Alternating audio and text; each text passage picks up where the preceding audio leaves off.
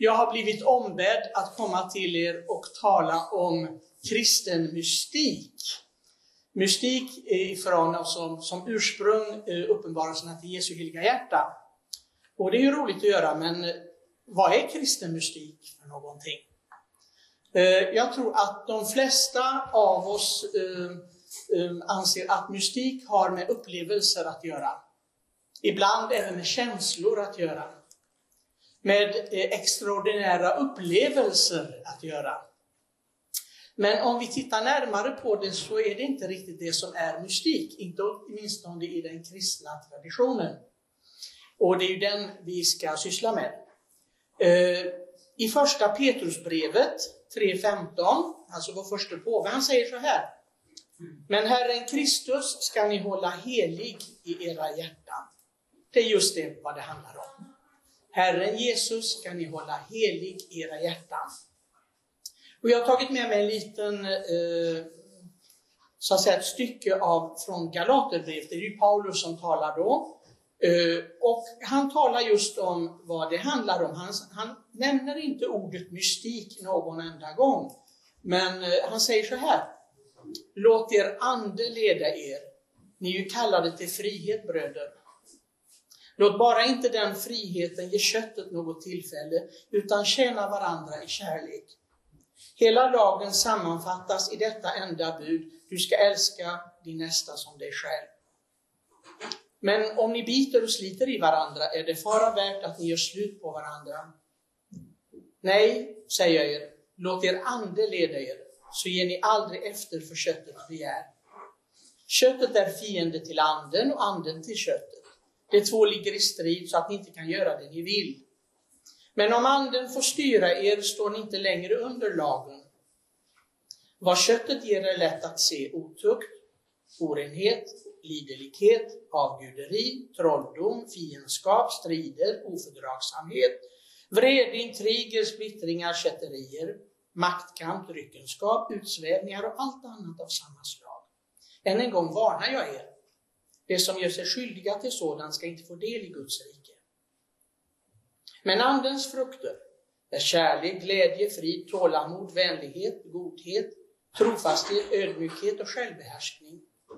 Mot sådant vänder sig inte lagen. Det som tillhör Kristus Jesus har korsfäst sitt kött med alla dess lidelser och begär. Om vi har ett andligt liv, så låt oss då följa en andlig väg. Låt oss inte bli inbilska, inte utmana varandra, inte avundas varandra. Ni kanske tänker, vad har detta med dagens tema att göra med mystik? Det är just det som det är mystik. För kristen mystik går ut på att vara så nära Kristus som möjligt. Att låta sig ledas av honom, att låta sig förvandlas av honom, att bli till ett med Kristus. Vad säger aposteln Paulus vid ett annat tillfälle? Nu lever inte mer jag, utan Kristus lever i mig. Hur många av oss kan säga någonting sådant? Hur många av oss vågar säga någonting sådant? Och det är just det som den kristna mystiken går ut på.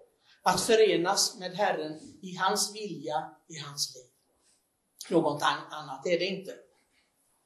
Det finns många människor, som jag sa i början, som säger att det är upplevelser till exempel om jag kan vara en bedjande människa och jag får starka känslor. Ni vet, det finns de människor som börjar gråta när de ber och de ler på ett speciellt sätt och de tittar och vimlar med ögonen i taket som de borde druckna precis. Och, ja, allt möjligt sådär. Det ska man aldrig gå efter. Aldrig, aldrig, aldrig. Jag har många exempel på det. Jag behöver bara ta några. Jag hade en eh, medbroder när jag gick in i kloster, det är för väldigt många år sedan nu. Eh, det är för 42 år sedan, så att ni förstår. Då fanns inte någon av er här kanske. Och eh, en postulant som bara bad och bad och bad och bad. Och jag var ansvarig för kapellet för att göra rent, städa och sådant och smyckade. Och jag kunde aldrig komma dit för han bara bad och bad och han han, jag tänkte snart flyger han i luften. Jag, jag riktigt, riktigt lite avundades honom. Och vilken bedjande människa, vilken ande han måste ha. Och eh, till slut så gick jag då till vår postulantmästare och sa det, men jag kan aldrig städa kapellet, för han är där och ber jämt. Så fort jag kommer dit så är han där och ber. Den här människan, jag kan inte köra ut. Kör ut honom, säger postulantmästaren. Vad är det för slags andlighet? Att be när inte vi ber? Vad är det, ska han visa upp sig eller? Vad är det för någonting? Kör ut honom. Nu ska det städas. Eh, det här är inte bra för ordenslivet, sa han. Okej, okay. då sa du, postulantmästaren sa att du skulle gå för jag ska städa. Okej, okay. han gick. Och sen kom han tillbaka och bad och bad och bad. Eh, jag vet inte ens om han sov på nätterna. Jag tänkte, väldigt liksom andlig människa. Men vad som hände, och vi tänkte att det här, liksom, jag, jag tänkte så här, nu har jag lärt känna ett helgon, ett levande helgon. Det ska vara någonting att berätta i framtiden. Att jag lärt känna ett levande helgon som bara bad och bad och bad och bad. Och så dagen efter hans eh, eh profess, alltså när han avläggt sina löften, eh, han var från Bologna, och då fick vi höra Dagen efter han hade avläggt sina löften av kyskhet, fattigdom och lydnad att tillhöra Herren helt och fullt, så sa han, nu skiter jag i det här. Och så gick han. Det var frukten av hans bön. Det var frukten av den andligheten. Titta aldrig på vad andra människor gör i det yttre. Låt er aldrig luras av detta. Jag har ett annat exempel, jag ska inte ta fler exempel, men det här exemplet. Jag var eh, ordförande i ungdomsföreningen i Göteborg, katolska ungdomsledningen i Kristus Konungens kyrka, för många, många år sedan, innan jag gick i kloster. Och eh, så var det några utav, eh, utav ungdomarna där som sa, har sett den här killen där, när han ber, han, han till och med gråter. Så, och när han sjunger så här. Okej. Okay. Okay, ja, fint. Ja. Och det var uppmuntrande för de andra. Men sen fick jag veta annat. Att den här killen, han var väldigt duktig på att jaga tjejer. Och han, han var väldigt duktig i sängen med dem. Han behövde ingen, ens en säng för att vara med. Han hade varit med massor med tjejer. Och sa, vad är det för andlighet? Paulus han säger att de som lever ett sånt liv ska inte ens få del i det eviga livet. Så ni förstår. Av det yttre hur någon människa ber och de uttryck det ger, det kan vi aldrig gå ifrån. Utan det handlar om, kan man leva i gemenskap med Gud eller inte? Håller man hans bud eller inte? Det är den sanna, det är det som mystiken ska leda till. Jag fick ett mejl från eftersom eh, vi är väldigt aktiva, våra bröder på eh, Katolsk horisont på nätet, så var det en kille som skrev till mig så här. Lovad vare Jesus Kristus, jag är gift, vi har tre barn och jag arbetar inom honom. Jag har alltid längtat efter att få leva ett rikt andligt liv. Men jag upplever att allt omkring mig bara slukar upp mig och att det inte blir ett andligt liv. Kan jag få några råd om hur jag ska leva ett andligt liv enligt mina förutsättningar? Då skulle jag vilja ta eh, ett exempel, en, en eh, utav våra medbröder som är väldigt känd den helige Maximilian Maria Kolbe. Han är väl inte känd som en mystiker. Han är känd som någon som var väldigt aktiv involverad i att sprida budskapet. Han eh, hade ju tryckpressar och det fick han väldigt mycket kritik för från bröderna och sa att är det ett franciskanskt andligt liv att spendera pengar på tryckpressar? Och det, det kan andra göra, det behöver inte vi franciskaner syssla med. Men eh, den helige Johannes Paulus II, han försvarade eh, Kolbes insats och hur han levde sitt franciskanska liv med att säga att Kolbe var Franciscus för vår tid. Och det var ju kyrkans högsta auktoritet som har talat, så där fick många utav bröderna blev tystade genom detta. Kolbe levde ett sant franciskanskt liv, trots att han ville använda alla de medel som fanns till förfogande just för att sprida budskapet. Och är det inte det en mystiker vill? Någon som är nära Kristus. Då kan man inte hålla tyst om det man har funnit. Och det är det som är viktigt om vi ska uppfylla vårt liv med någonting. Det kan inte vara så att vi håller tyst med det vi får veta. Och det säger ju apostlarna också när de blir pryglade genom översteprästerna i templet efter Kristi uppstånd. Vi kan inte hålla tyst med det här. Och Kolbe han gjorde redan långt innan han avlade sina löften så skrev han en andlig dagbok och han skrev några punkter där. Jag, jag ska inte ta alla dem för att det, det, det skulle vara en reträtt i sig själv. Men det första han skrev, det var så här i sin dagbok. Hans, eh, och den skrev han alltså eh, 1920, så det är många, många år sedan. Jag måste vara ett helgon, så stort helgon som möjligt. Det kan ju låta lite liksom, ja, jag ska bli ett stort helgon. Men den andra punkten är så här, att ge största möjliga ära åt Gud genom att sträva efter frälsningen och största möjliga helgelse för mig själv, för dem som lever nu och för kommande generationer, genom Immaculata, Guds moder Maria den obefläckade. Och han talar om det, vad det innebär för honom att ta avstånd från synden, att försöka forma sig helt efter Guds vilja och att inte komma in i någon olydnad på något sätt.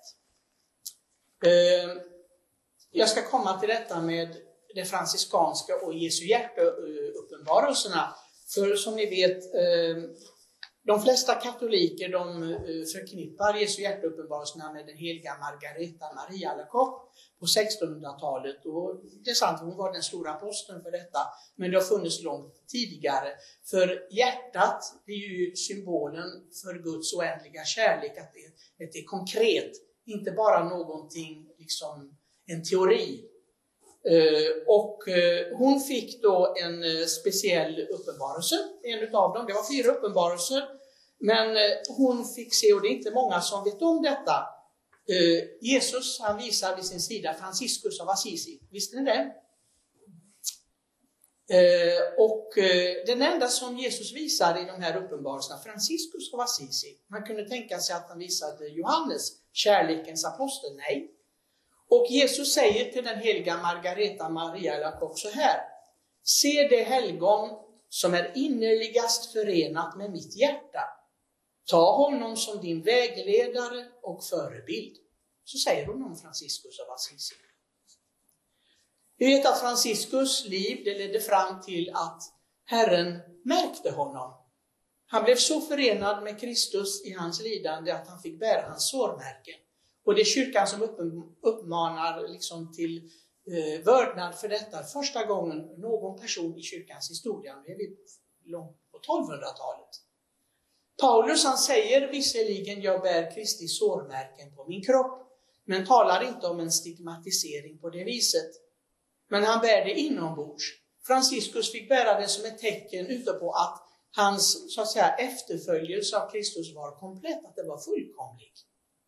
Och det är det vi ska försöka sträva efter. Men vad är det då som var så märkligt med Franciscus? Franciscus likt kärlekens apostel Johannes, han liksom uppmanar till att se på Kristi kärlek och formas efter den.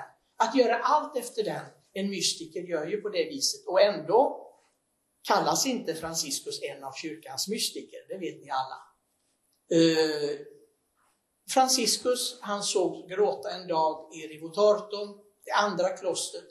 Det först, eh, och, och eh, Sankta Maria degli Angeli, ursäkta mig, och eh, och där såg en bonde honom gråta och eh, bonden han undrade, men Franciscus vad är det med dig? Du brukar vara så glad alltid.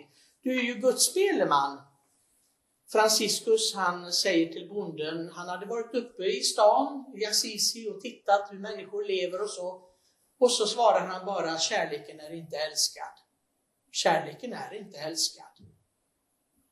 Han ser att det ger inget resultat, det vittnesbörd som bröderna ger om att är det någon ni ska älska över allt annat så är det Kristus som gav sitt liv för er, som, där Gud visar sitt kärlek på ett sådant påtagligt sätt att han är villig att offra sig helt för er. Franciscus hade ju fått sin kallelse från krucifixet i San Damiano-kapellet att bygga upp kyrkan som höll på att trilla ihop. Och det var ju inte ett kapell som det handlade om. Det förstod ju Franciscus senare. Utan det handlade om den andliga kyrkan, det som är vi. Att det håller på att rasa ihop och det i alla tider. Och den franciskanska kallelsen är just detta. Att försöka bygga upp igen i människor det tempel som vi har. För Franciscus han talar om att varje dag så försöker vi bygga upp templet åt honom, han menar i det inre. Därför att vi raserar det genom våra dåliga val. Att inte vara hängivna. Kärleken är inte älskad. En mystiker är den som älskar Herren. Den är en mystiker.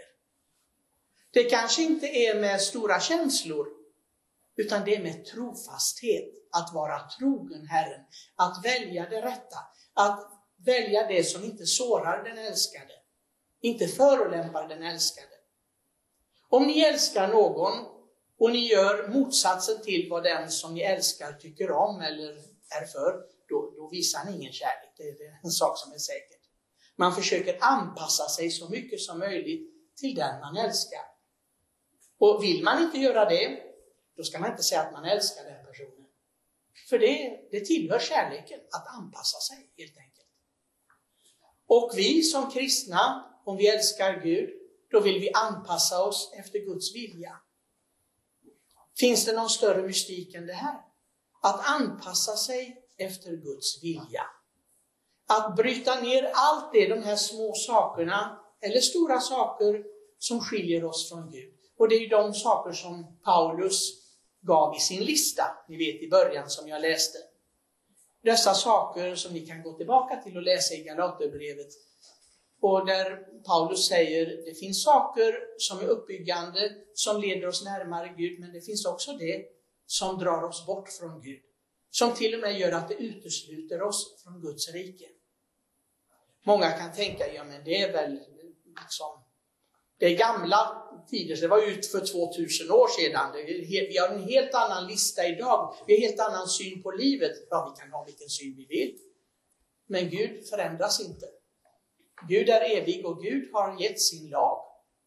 Och det är den vi ska följa, ingenting annat.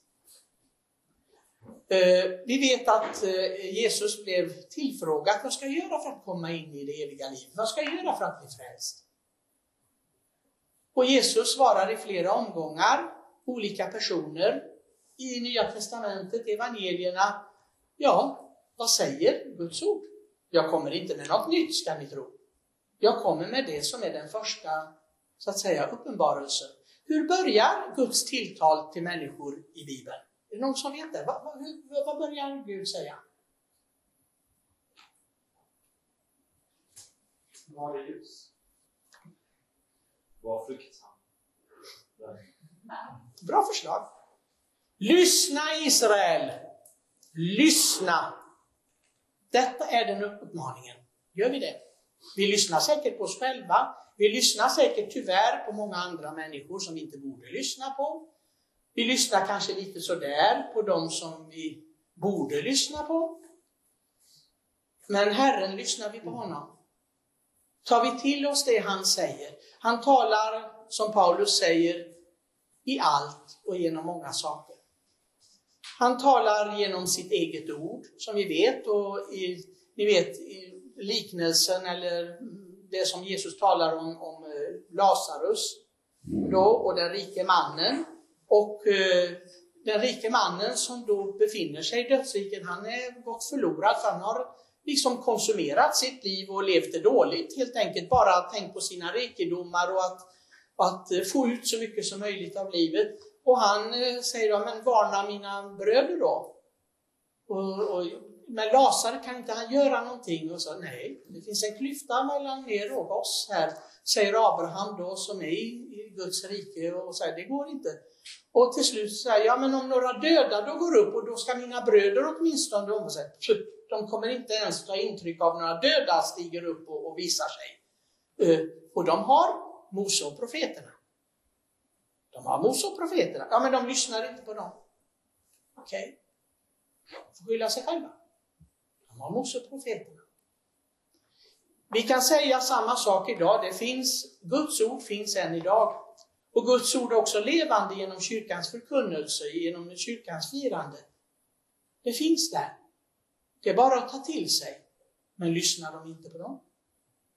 Det är ditt eget val om du lyssnar eller inte. Men det är det första Herren säger till mänskligheten. Lyssna Israel. Och han ger sitt bud att älska honom av hela sitt hjärta, av all sin själ, av all sin kraft, av allt sitt förstånd och sin nästa som sig själv. Och vad är det att älska sin nästa? Det är många som har väldigt liksom, bizarra idéer om vad att älska sin nästa är. Det handlar ju naturligtvis inte om känslor, för Gud kan inte tvinga någon av oss att ha känslor för varandra. Men däremot att vilja varandras eviga väl. Att vi ska önska varandras eviga väl, frälsningen. Att vi ska ta hand om varandra, att vi ska bära varandras bördor, som Paulus säger, då uppfyller ni Kristi lag. Vilken är den största bördan? Det är livets meningslöshet som många känner. Synden, misslyckandet, att inte ha någon orientering i livet, det är verkligen bördor. Det är klart det är fint att hjälpa en gammal dam på bussen med sina kassar och så, komma upp och ner och så. Det är också fint. Det är också en börda. Men inte det första tror jag som Paulus tänkte på. Utan just de här svårigheterna i livet. Det är att bära varandras bördor och då uppfyller vi Kristi lag.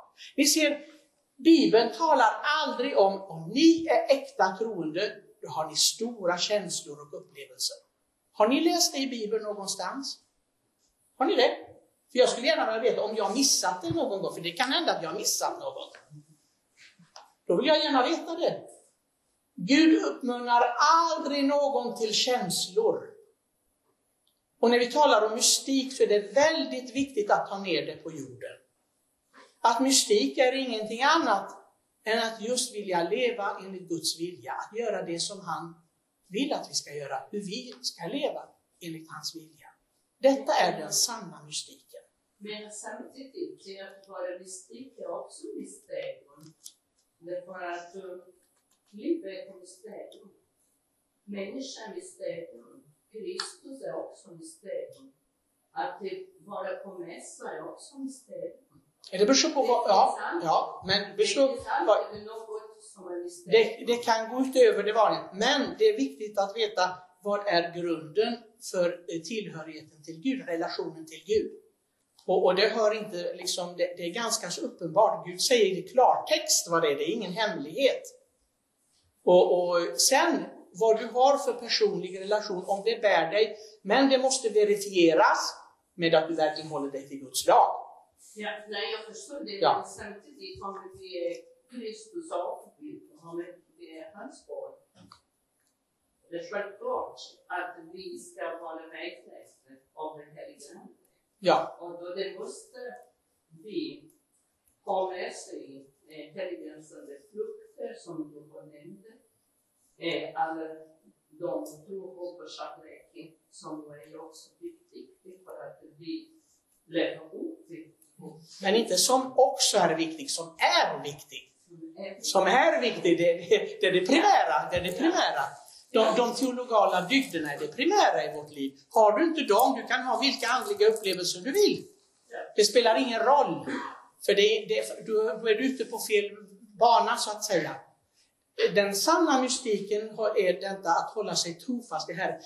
Jesus han gör någonting, det, det är vänskap, jag talar mystiken är vänskap till Gud. Och Jesus gör någonting som ni aldrig kan göra. Ni skulle aldrig kunna gå ut på vägen eller torget och säga vill du bli min kompis så gör du vad jag vill. Har ni försökt göra det någon gång? Nej. Apostlarna visste, apostlarna visste precis att det är Gud som talar här. Då gör ni som jag vill. Det är detta som är vänskapen till Gud. Det är detta som är, liksom, ju närmare vi kommer att fullkomnas i just att göra det han vill, desto mer mystiker är vi.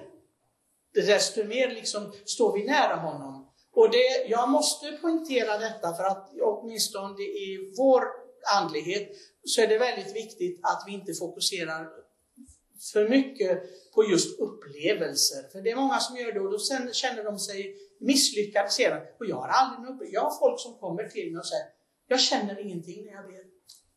Känner ingenting. Jag är torr som ett knäckebröd.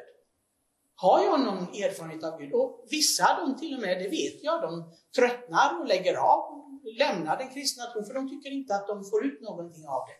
Och så börjar de kanske med yoga och, och jag vet inte, ringande klockor och tjing och allt vad det nu är för någonting. Så, för de tycker att där kanske jag hittar någon upplevelse eller jag känner någonting eller erfar någonting och så. Uh, och jag vet, till en av de stora mystikerna i kyrkan, det var ju den heliga Teresa av Avila. Uh, denna bönens människa, och vi ska inte säga att hon är den största inom kyrkan, för det vet bara Gud vem som är störst. Jesus säger att många, av de som är stora, de ska komma sist och de som är minst, de ska komma först. Så vi vet aldrig det, vad som, vad som eh, råder i Guds rike. Men Helga Teresa av Avila, hon, eh, hon såg att hon var tvungen att hjälpa henne, sina medsystrar och eh, vissa tröttnade väl. De, vissa de somnade under bönen, vissa de, Vissa tankegångar gick hit och dit och flydde och sådär. Så att, eh, och vissa var lite förskräckta över sina egna känslor och upplevelser. Då så berättade hon så här att eh, era upplevelser ska ni inte gå efter, för att ni vet att eh, vi kvinnor, vi har våra perioder och sen kan det vara så att maten, vi vet att maten är dålig i klostret och då liksom är det magen som, som reagerar på detta och, och ni kanske har sovit för lite och så. Det, det, är så många saker som påverkar en sån. så gå inte efter detta. Tro inte att när allting är lugnt och fint och ni kan ha upphöjda tankar, då är ni närmare Gud. Tro inte på detta. Eller när det är tvärtom, att ni är långt ifrån Gud. Tro inte på sådana saker. Hon, hon, hon varnade systrarna i sina böcker att lita på sådana upplevelser. Utan det hela handlar om om vi har en rätt tro, säger hon. Om vi har en rätt tro och en rätt levnad. Det, det är Teresa av det är en av de som vi känner till, åtminstone en av de största mystikerna i kyrkan. Hon talar om detta. Den sanna tron ska det, bönen byggas på. Har vi inte den sanna tron, utan inbildning, då, har, då kan vi inte ha någon mystisk upplevelse av Gud. Det är helt omöjligt enligt Teresa av Avila. Och den andra, ett rätt liv. Det är detta, att försöka få ett rätt liv där vi, där vi verkligen kämpar för att övervinna oss själva. Ehm, jag vill inte vara så långdragen, för jag vet att det är mycket att ta i, men eh, i gårdagens böner, det sa precis exakt vad jag ville säga idag. Kollektbönen igår var så här. Allsmäktige evige Gud, du som i Kristi påsk har slutit det nya förbundet med människan. Låt oss med själ och hjärta leva i dopets tro och lydnad. Med själ och hjärta. Och sen i offerbönen så säger vi så här.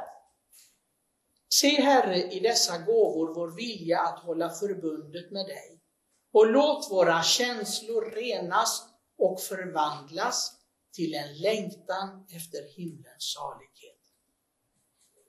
Det är just det. Eh, när Jesus går med eh, lärjungarna till Emmaus så frågar han dem, ni vet, vad gick ni och pratade om på vägen? Jesus visste naturligtvis vad de hade pratat om. Men han ville att de själva skulle få ett hum om vad är det som rör sig där inne? Där och där. Och det är det. Han ville få tag i detta och liksom diskutera detta med dem. Vad är det ni går och diskuterar om? Och de var naturligtvis perplexa då på det som hade hänt med Jesus från Nasaret. De kände inte igen honom och talade om detta, de var förskräckta över det. Och inte bara det, men de har också, också hört att han hade uppstått. Och det kan de heller inte förstå. Och kyrkan här talar om att våra känslor, våra tankar alltså ska renas och förvandlas till en längtan efter himlens salighet. Är det någonting som utmärker samtliga mystiker i kyrkan så är det just längtan efter himlen. Och där måste vi fråga oss själva. I mitt vardagliga liv, i mitt dagliga liv, så att säga, längtar jag efter himlen? Är det så? Är jag redo till exempel om, om det skulle vara så att, att jag går ut på vägen och en buss smäller till mig och så dör jag. Är jag redo för himlen? Är jag det? För att jag har verkligen längtat efter himlen. Är det, är det så i mitt liv? Är jag åtminstone lite nära en mystiker, eller, eller jag väldigt långt ifrån? Liksom, det är väldigt många kristna som bara är åskådare till den kristna hemligheten. Man kanske konsumerar lite tro och religion lite då och då. Och, och sådär. Och ibland så får man höra i blixtfältet, ja, jag går inte så ofta i kyrkan. Men varför inte det då? Är det för att du inte längtar efter Gud? Eller vad Och då vet de inte vad de ska säga. Om man frågar rätt ut, liksom, liksom, tycker du att Gud är det mest väsentliga i ditt liv?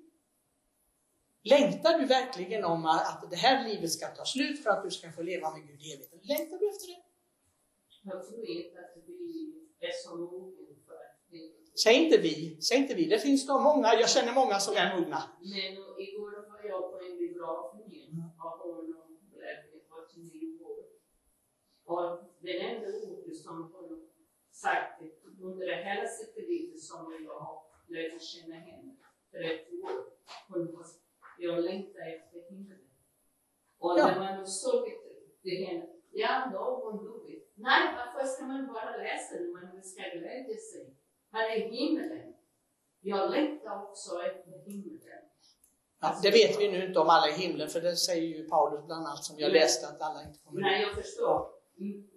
Men att vi ska, vi ska, vi ska alltså längta, det ska finnas, det, och jag har mött många sådana människor, alltså som verkligen har längtan efter himlen. Ja. Men det skulle vi alla ha som kristna.